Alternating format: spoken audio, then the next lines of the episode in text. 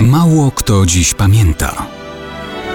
Datownik historyczny prezentuje Maciej Korkuć.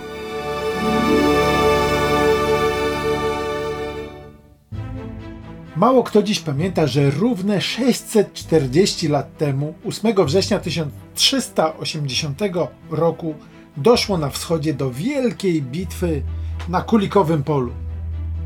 Moskiewski książę Dymitr, zwany później Dońskim, wygrał rywalizację o tatarski Jarłyk, czyli zgodę Hana Złotej Ordy na tytuł wielkoksiążęcy na Rusi.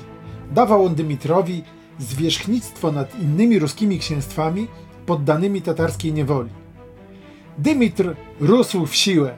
To też kiedy Han zmienił zdanie i przekazał władzę wielkoksiążęcą władcy Tweru, doszło do otwartego konfliktu Dymitra ze zwierzchnikami.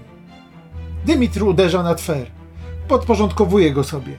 Han Mamaj przygotowuje wielką armię. Ugaduje sojuszników przeciw Moskwie. Ma otrzymać wsparcie księcia rjazańskiego Olega i wielkiego księcia litewskiego Jagiełły.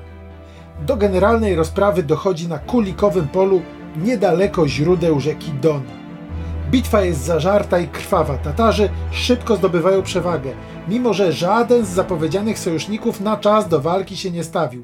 Ani Oleg, ani Jagiełło. Tatarzy jednak nie mają pojęcia, że część swoich oddziałów Dymitr sprytnie przed nimi schował. Kiedy spodziewają się już pewnego zwycięstwa, nagle jak z podziemi wyrastają dodatkowe posiłki moskiewskie. I zamiast zwycięstwa Mamaj ponosi sromotną klęskę. W Ordzie szybko pozbawia go władzy Tochtamysz. Ten idzie zaraz potem na Moskwę. Miasto zdobywa, pali, mieszkańców morduje.